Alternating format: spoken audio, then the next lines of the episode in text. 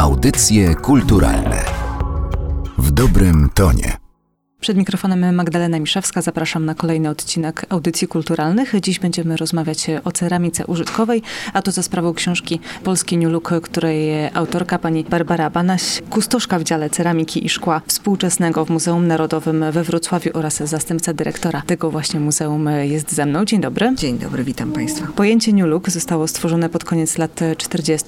przy okazji promocji debiutanckiej kolekcji Christiana Diora. Potem przechodziło powoli do innych dziedzin dziedzin życia i sztuki, między innymi również do sztuki użytkowej. Jak właściwie moglibyśmy określić, jaki był ten design tego nowego spojrzenia, czyli New Look właśnie w Europie w tamtych czasach? Jakie były jego te najważniejsze cechy wspólne? Jeśli byśmy przyjrzeli się kolekcji Christiana Diora, to to przede wszystkim był powrót do prawdziwie kobiecej sylwetki, a więc wyeksponowanie biustów, cięta talia, szerokie biodra, czyli krótko mówiąc kształt klepsydry. I ten kształt klepsydry doskonale również został zaimplementowany implementowany w inne obszary wzornictwa, choćby w ceramice e, użytkowej.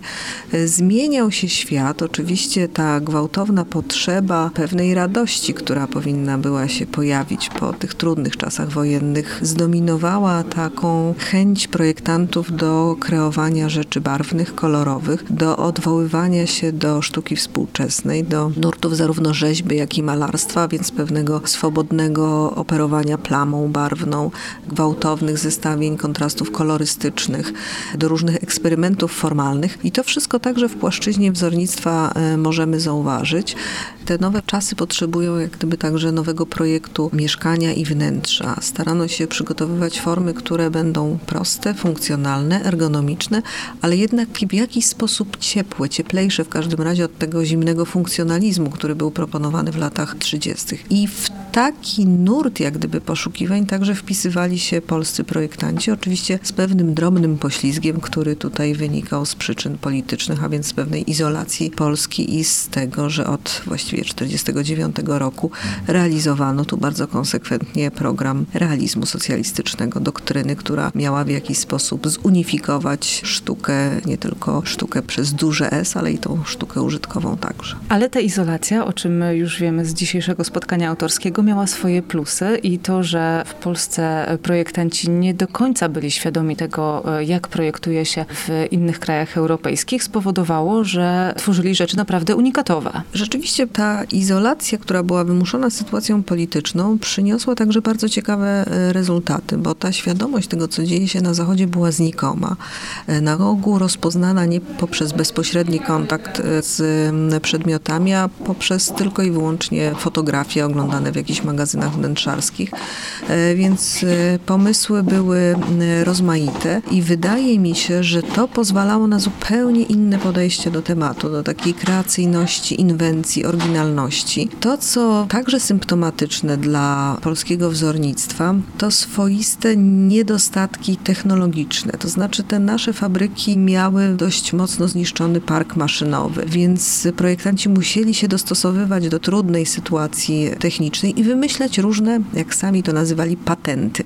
Te patenty przynosiły bardzo ciekawe rezultaty formalne, jak choćby jeśli przyjrzymy się produktom porcelitu w Tułowicach, gdzie pan Kazimierz Kowalski, który tam był projektantem, przygotował taką szczoteczkę drapak. No coś tak banalnie prostego, jeśli państwo sobie możecie to wyobrazić, na patyczku pozwijane druciki, które były, że tak powiem, używane do rozdrapywania świeżego szkliwa po to, żeby uzyskać taką strukturę spękań, a w te powstałe rozdrapania było wpisywane złoto i powstawała zupełnie nowa jakość y, dekoracyjna. Bardzo się to publiczności i odbiorcom podobało. Także ta swoista izolacja i pewne ograniczenia przynosiły w tym przypadku akurat bardzo ciekawe rezultaty. To nieco inna sytuacja niż ta w modzie, bo skoro zaczęłyśmy od Christiana Diora, to ta moda jeszcze będzie nam się tu przewijać. Myślę, że e, można by porównać w pewien sposób Instytut Wzornictwa Przemysłowego z modą polską. To były podobne zadania w różnych e, obszarach życia, ale e, moda polska i Jadwiga Grabowska miała tę przewagę, że e, mogła wyjeżdżać za granicę i właśnie podpatrywać w Paryżu bezpośrednio na pokazach to, co tworzyli projektanci. No tutaj nasi projektanci ceramiki mogli tylko właśnie zerkać sobie w czasopismach, jeżeli znaleźli dostęp do takich, e, jak wyglądała sytuacja projektowa, projektantów e, zachodnioeuropejskich,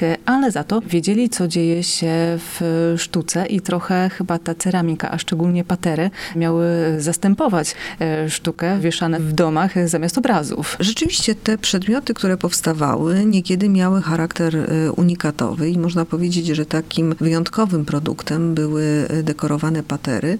Były mm, substytutem malarstwa współczesnego. W jakiś sposób tak, na pewno były tym produktem, który był dostępny w tych parametrach cenowych dla zwykłego śmiertelnika, a jednocześnie pojawiały się na nich zarówno dekoracje figuralne, jak i abstrakcyjne, ale także próby takie malarskie zbliżone do informelu, a więc taką swobodną plamą, jakimiś rozbryzgami, a to dlatego, że bardzo często te przedmioty były przygotowywane, projektowane, wykonywane przez młodych adeptów sztuk pięknych, studentów państwowych wyższych szkół plastycznych, którzy po prostu do tych fabryk trafiali jako uczniowie na praktyki studenckie i realizowali tego typu rzeczy, które później trafiały do sprzedaży, do jakiejś produkcji krótkoseryjnej. Także wielu wybitnych artystów ma na swoim koncie takie praktyki studenckie, które zaowocowały tego typu realizacjami. A skoro jesteśmy przy tych e, praktykach w fabrykach, e, plastyk w fabryce to nie zawsze był e, dobry pomysł, przynajmniej z punktu widzenia pracowników tej fabryki. Plastyk w fabryce miał być postacią pożądaną, to on miał nadać jak gdyby nowy sznyt, nową jakość produkcji fabrycznej, ale nie zawsze szło to tak prosto. Ci pierwsi młodzi absolwenci, którzy trafiali do fabryk, bardzo często byli zatrudniani jako zwykli robotnicy, zanim powstały tam ośrodki wzorcujące, zanim oni zyskali rangę samodzielnych pracowników właśnie na stanowisku projektanta, więc początki nie były łatwe, e, zwłaszcza, że taka osoba musiała się wykazać pewną elastycznością i pewną umiejętnością pozyskiwania sympatii załogi po to właśnie, aby ci robotnicy no, nie torpedowali pewnych pomysłów realizatorskich, realizacyjnych, bo czasem łatwiej było wyprodukować czy udekorować serwis, który tłukło się już w cudzysłowie oczywiście od pięciu czy sześciu lat, niż zajmować się jakimś nowym produktem, któremu trzeba było poświęcić zdecydowanie więcej czasu, gdzie trzeba było zadbać o wyretuszowanie detali, o inny zupełnie sposób nakładania dekoracji, to wymagało określonego wysiłku, a nie zawsze i nie każdy chciał taki wysiłek podejmować. A wracając do tego substytutu malarstwa, malarskie było też e, określenie tych e, nowoczesnych e, wzorów ceramicznych Picassy od nazwiska Pablo Picassa, który zresztą pod koniec lat 40. jeszcze zdążył Polskę na zaproszenie władz odwiedzić. Tak, Pablo Picasso to była taka postać chyba zmitologizowana w Polsce, bo to był pierwszy zachodni artysta, który tutaj przyjechał na Kongres Intelektualistów we Wrocławiu, był w Warszawie, zostawił nam syrenkę na ulicy Deotymy i piękną kolekcję swoich ceramik, którą przekazał do Muzeum Narodowego w Warszawie, więc była to postać, która była jakby rozpoznana, znana, fascynująca nie tylko jako artysta, ale także jako człowiek, żeby nie powiedzieć jako mężczyzna, który, prawda, uwodził liczne rzesze kobiet i który miał takie bujne życie, więc y, była to postać, do której się jak gdyby odwoływano, tłumacząc, że wszystkie te nowatorskie działania są takim pokłosiem tego nowatorskiego podejścia do sztuki i mówiono właśnie o tym, że jeżeli ktoś jest nowoczesny, to potrafi popikassować, ale już kilka lat później, po 57 rok, to można powiedzieć, że taki rozkwit tego stylu New Look w Polsce, ale już w latach 60. uważano, że to pikassowanie to jest coś nie za bardzo y, gustownego, że przeszło to w stronę takiego wszechobecnego kiczu, że już nie ma jak gdyby zrozumienia, że to wyrasta gdzieś z potrzeby nowoczesności, nowej linii, że powielanie tego takie bezrefleksyjne działanie tylko w obszarze kontrastów kolorystycznych y, jest y, zaprzeczeniem tej idei dobrego, nowoczesnego wzornictwa. A jakie to dobre, nowoczesne wzornictwo jest, to pisała przede wszystkim prasa, którą byśmy określili teraz mianem lifestyle'owej, a która w czasach PRL-u tak się nie nazywała. Tam pojawiały się porady dotyczące tego, jak się ubierać, ale też właśnie jak urządzać mieszkanie. Tylko czy o tej ceramice użytkowej pisało się tam dużo? Ceramika użytkowa pojawiała się trochę na marginesie tych y, tekstów, pisanych niejednokrotnie przez nie tylko dziennikarzy, ale i samych projektantów. Między innymi Olgierd Szlekys podawał różne rady, jak należy urządzić mieszkanie, przestrzegając właśnie, aby na przykład nie mieszać stylów, aby ludowe pozostawić w obszarze ludowości, a te nowoczesne wprowadzić sprowadzać tylko do wnętrz nowoczesnych, czyli żeby zachowywać pewną czystość gatunku, jeśli tak można byłoby powiedzieć. Więcej uwagi na pewno poświęcano meblom, tkaninie, zasłonom. Ceramika stanowiła pewien margines, ale ona też pojawiała się, tak jak dzisiaj mamy porady, co kupić komuś w prezencie przy jakiejś okazji świątecznej, tak i wówczas pisano o tym, że warto nabyć nowoczesny serwis czy komplet do napoi po to, żeby właśnie na stole postawić wyrób atrakcyjny wizualnie, a jednocześnie funkcjonalny.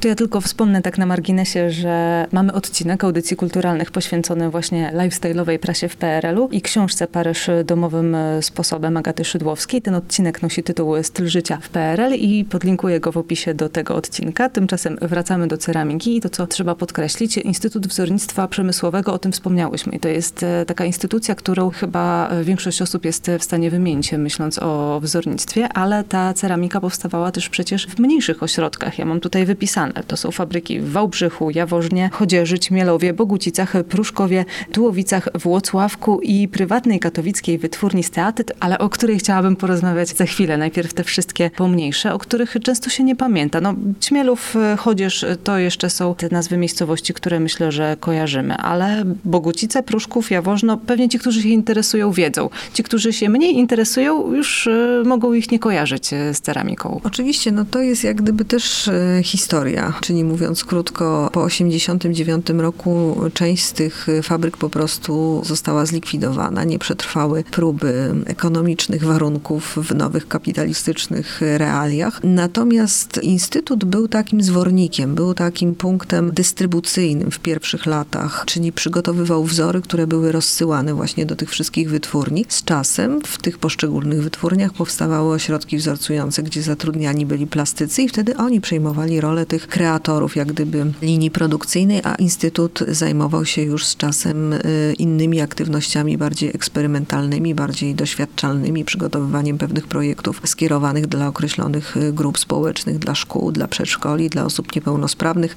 Także jakby wyspecjalizował się w innym y, obszarze. Dziś rzeczywiście nie znamy, czy może części odbiorców te firmy, o których pani tutaj wspomniała i wymieniła miejscowości, w których one się znajdowały, są po prostu jakimś brzmieniem przeszłości. Funkcjonują na rynku duże fabryki w Chodzieży i w Ćmielowie. No i warto pamiętać o tym, że to są e, zakłady, które mają ogromną tradycję, tradycję, która sięga jeszcze okresu międzywojnia i głębiej i że e, tę tradycję na pewno warto pielęgnować. A czy warto też e, przypominać e, katowicką wytwórnię Steatyt? Ona wzbudzała e, również podczas dzisiejszego spotkania sporo emocji. Myślę, że na początek trzeba by było wytłumaczyć naszym słuchaczom dlaczego. Bo no, czy to wystarczy powiedzieć, że miała czasem bardzo specyficzne wzory, czy to jest za mało? Steatyt to bardzo ciekawa wytwórnia i bardzo ciekawa historia. Ciekawa choćby przez to, że był to prywatny zakład, który działał blisko 50 lat w okresie PRL-u, a więc więc w czasie, gdy prywatne inicjatywy no nie zawsze znajdowały zrozumienie decydentów, y, więc już sama żywotność y, tej wytwórni jest godna podziwu. To, co dziś zachwyca w Steatycie i ma on swoją rzeszę fanów, miłośników i kolekcjonerów, to na pewno pewne niebywałe kształty i formy, które nas zadziwiają swoją wymyślnością, dziwnością kształtów, taką dynamicznością kształtów, która łączy się z jednej strony z kolorem, z mocnym akcentem kolorystycznym, z drugiej ze złotem, a często jeszcze z jakimiś dekoracjami fakturalnymi. Rzeczywiście właściciel tej wytwórni, Zygmunt Buksowicz, bardzo szybko zorientował się, że pojawiający się na rynku w tym obszarze dystrybucji państwowej nowy styl, te rzeczone Picassy, znajdują swoich miłośników i odbiorców, więc nie chciał być po prostu w tyle, nie chciał być gorszy. Przygotował swoją kolekcję ceramiki, Y, no i można powiedzieć, że zaszalał, bo w tym udziwnieniu formy nie znał jak gdyby granic. Chociaż powiem Państwu szczerze, że ja wypróbowywałam serwisy, które były produkowane przez Buksowicza, które falują, są powyginane w różnych y, miejscach i właściwie wydaje się, że z takiej filiżanki nie można napić się herbaty czy kawy, ale wbrew pozorom da się to zrobić, chociaż nie powiem, żeby to było specjalnie y, wygodne. Myślę, że tak naprawdę te przedmioty nie służyły jako przedmioty użytkowe, bardziej jako właśnie element dekoracyjny wnętrza, że one były nabywane po to, żeby w jakiś sposób cieszyły oko i żeby pokazywały, że ten właściciel, który je posiada, jest oryginalny w swoim wyborze, że ma coś innego, że ten sąsiad obok czegoś takiego nie ma. Więc po to, żeby zwrócić na siebie uwagę w jakiś sposób. Ta książka, Polski New Look, to jest w zasadzie drugie wydanie pani książki z przed kilku lat, e, poszerzone i uzupełnione, ale służy nie tylko opisywaniu tego, jaki był ten design ceramiki w Polsce w latach 50. i 60., ale też przypomnieniu nazwisk projektantów, które czasami po prostu gdzieś tam umykały, bo o ile nazwa fabryki pojawiała się na tych e, wyrobach ceramicznych, to nazwiska projektanta już nie. Tak, to rzeczywiście dla mnie bardzo ważna rzecz, że mamy ten czas, kiedy można w jakiś sposób oddać hołd, pamięć, świadomość y, odbiorców współczesnych, że za tymi poszczególnymi projektami stoją ludzie, że to nie jest tylko wytwór zakładów takich czy siakich, ale że to byli projektanci dzisiaj nam rzadziej lub częściej znani z imienia i nazwiska i bardzo mi zależało na tym, żeby te nazwiska przypomnieć. Udało mi się jeszcze w trakcie zbierania materiałów do tej książki spotkać się z niektórymi z nich, porozmawiać, a więc też poznać jak gdyby ich relacje, to jak wkraczali do tych fabryk, jak się tam odnajdowali, z jakimi spotkali się trudnościami. Opowiadali mi o stronie technologicznej produkcji. Oni nigdy nie przywiązywali wagi do tych projektów jako swoich indywidualnych działań, a właśnie przez to, że one nie były firmowane ich nazwiskami. Zresztą już w tamtych czasach narzekano, że to jest e, niewłaściwa forma podejścia handlowego, można powiedzieć, że to nazwisko projektanta mogłoby podnosić jakby wartość wyrobu, że warto byłoby przywoływać nazwisko w kontekście danego wzoru. Tak niestety nie czyniono. Być może była to swoistego rodzaju polska specyfika, chociaż można powiedzieć, porównując może czasy nieco późniejsze, że niektórzy projektanci szkła już mieli nieco więcej determinacji i tak na przykład Zbigniew Chorbowy uczynił ze szkła swoją markową formę, prawda, i mówi się o szkłach Chorbowego i to nazwisko rzeczywiście zarówno dziś, jak i wtedy było znane. W przypadku projektantów ceramiki było to zdecydowanie rzadziej. To wymieńmy kilka z takich nazwisk. Ja mogę zacząć od jednego pewnie mhm. bardzo oczywistego, ale Lubomir Tomaszewski w październiku w Kordegardzie Galerii Narodowego Centrum Kultury była wystawa poświęcona właśnie jego twórczości, nie tylko tej ceramicznej, ale też e, tej, którą już e, parał się w Stanach Zjednoczonych, e, ale te figurki można było zobaczyć. Więc kto jeszcze poza Tomaszewskim projektował te serwisy, którymi się zachwycamy? No Tomaszewski należał do grupy związanej z Instytutem Wzornictwa Przemysłowego i tutaj należy oczywiście wymienić jego kolegów. Zacznijmy może od koleżanki, czyli od Hanny Ortwein, potem Mieczysław Naruszewicz i Henryk Jędrasiak. To były te postaci, które kreowały polską rzeźbę kameralną. Ale w poszczególnych y, zakładach zatrudnienie znajdowali bardzo różni ceramicy. Na ogół zresztą byli to absolwenci Wrocławskiej Państwowej Wyższej Szkoły Sztuk Plastycznych i tak w zakładach w Tułowicach osiadło małżeństwo Kowalskich. Z zakładami w Bogucicach związana była Eryka Trzewik-Drost, która później zajmowała się projektowaniem szkła. Z kolei dla Ćmielowa bardzo ważną postacią był Wincenty Potacki, twórca związany z tymi zakładami w okresie przedwojennym, który właściwie całe życie w Ćmielowie spędził. Także można byłoby tutaj tych nazwisk mnożyć jeszcze. Ciekawe jest może to, że nie wszyscy z nich y, jakby oddali się do końca porcelanie i później jednak zmieniali swoje obszary aktywności, no jak choćby właśnie Lubomir Tomaszewski, który poniekąd y, rozczarowany mm, brakiem możliwości rozwoju po prostu wybrał emigrację i już w Stanach Zjednoczonych zajmował się zupełnie inną aktywnością artystyczną. Historię Lubomira Tomaszewskiego poznacie na przykład z odcinka poświęconego tej wystawie w Kordegardzie. Lubomir Tomaszewski w Kordegardzie, taki jest tytuł, też go podlinkuję w opisie do tego odcinka. To na koniec jeszcze chciałabym zapytać, bo przeglądając książkę, wtedy będzie najłatwiej nam połączyć sobie poszczególne projekty z nazwiskami. No, trudno opowiadać e, o ceramice, tak jak i o modzie e, samymi słowami. Najłatwiej jest po prostu zobaczyć na zdjęciach i całe szczęście te zdjęcia w książce Polski New Look e, Ale chciałam zapytać o to, ile tych serwisów, którymi się zachwycamy, było tak naprawdę dostępnych na rynku. Bo ja wiem, że często się mówi o tych wyrobach ceramicznych, że o, pamiętamy je z domów e, swoich dziadków czy rodziców. Wydaje mi się, że tak mówią przede wszystkim mieszkańcy jednak e, dużych miast e, i w mniejszych miejscowościach już nie tak łatwo jest znaleźć taką dużą grupę ludzi, która by te wzory pamiętała właśnie z mieszkania swojej rodziny czy swoich znajomych. Ma pani niewątpliwie rację. Rzeczywiście te produkty trafiały przede wszystkim do użytkowników w dużych miastach. To jest zresztą bardzo ciekawy temat, gdybyśmy chcieli prześledzić, kto był odbiorcą tych rzeczy i jak wiele ich produkowano. Jednoznacznie nie da się tego określić. Widzimy choćby po dzisiejszym tak zwanym rynku wtórnym czy rynku antykwarycznym, jakie przedmioty się zachowały. I można powiedzieć, że najwięcej mamy no, figurek, ponieważ one stanowiły pewną odrębną kategorię i traktowane były jako bibelot, który zdobił wnętrze, ale z tych przedmiotów użytkowych najwięcej zachowało się serwisów kawowych. Myślę, że z prostego powodu one po prostu nie funkcjonowały jako przedmiot użytkowy, tylko zdobiły witrynę, e, meblościankę, kredens i wyciągane były na stół rzeczywiście w wyjątkowych okolicznościach.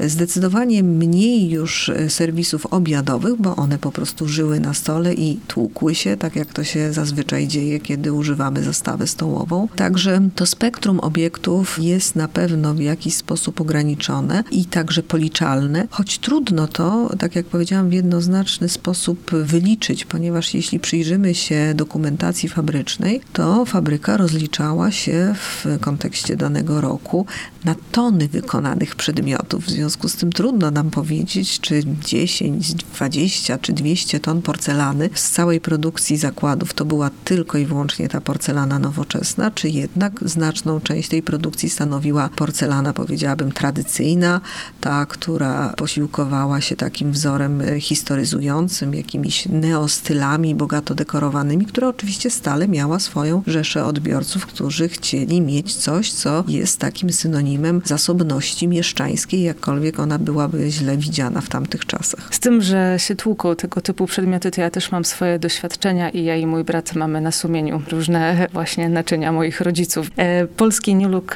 w tej książce można sobie zobaczyć bezpiecznie na zdjęciach, bez obawy, że się stłucze właśnie projekty w tym stylu produkowane w latach 50. i 60. w Polsce, a autorką książki jest, a moim gościem była pani Barbara Banaś. Dziękuję bardzo. Bardzo serdecznie dziękuję za spotkanie. Jeśli interesuje Was wzornictwo i polska sztuka użytkowa, posłuchajcie kilku starszych odcinków audycji kulturalnych. Barbara Banaś wspominała, że kolekcję ceramiki ma Galeria Wzornictwa Polskiego w Muzeum Narodowym w Warszawie. W dniu, w którym się otwierała, nagrywałam odcinek Polski Design na stałe trafił do muzeum. Małgorzata Czyńska odwiedziła osoby zawodowo związane z wzornictwem w ich własnych mieszkaniach. Napisała o tym książkę Dom Polski Meblościanka z Pikasami i opowiedziała mi o niej w odcinku 14 opowieści nie tylko o wnętrzach. W zeszłym roku Wydział Wzornictwa Warszawskiej Akademii Sztuk Pięknych obchodził swoje 40-lecie. Opowiadam o tym w odcinku 40 lat wzornictwa. A gdybyście chcieli zainteresować designem najmłodszych, sięgnijcie po odcinek Historia polskiego wzornictwa oczami ilustratorów. Ewa Solarz mówi w nim o tym, jak powstawał ilustrowany elementarz polskiego designu. Wszystkie archiwalne odcinki audycji kulturalnych znajdziecie na naszej stronie internetowej audycjekulturalne.pl oraz na platformach podcastowych. Audycje kulturalne w dobrym tonie.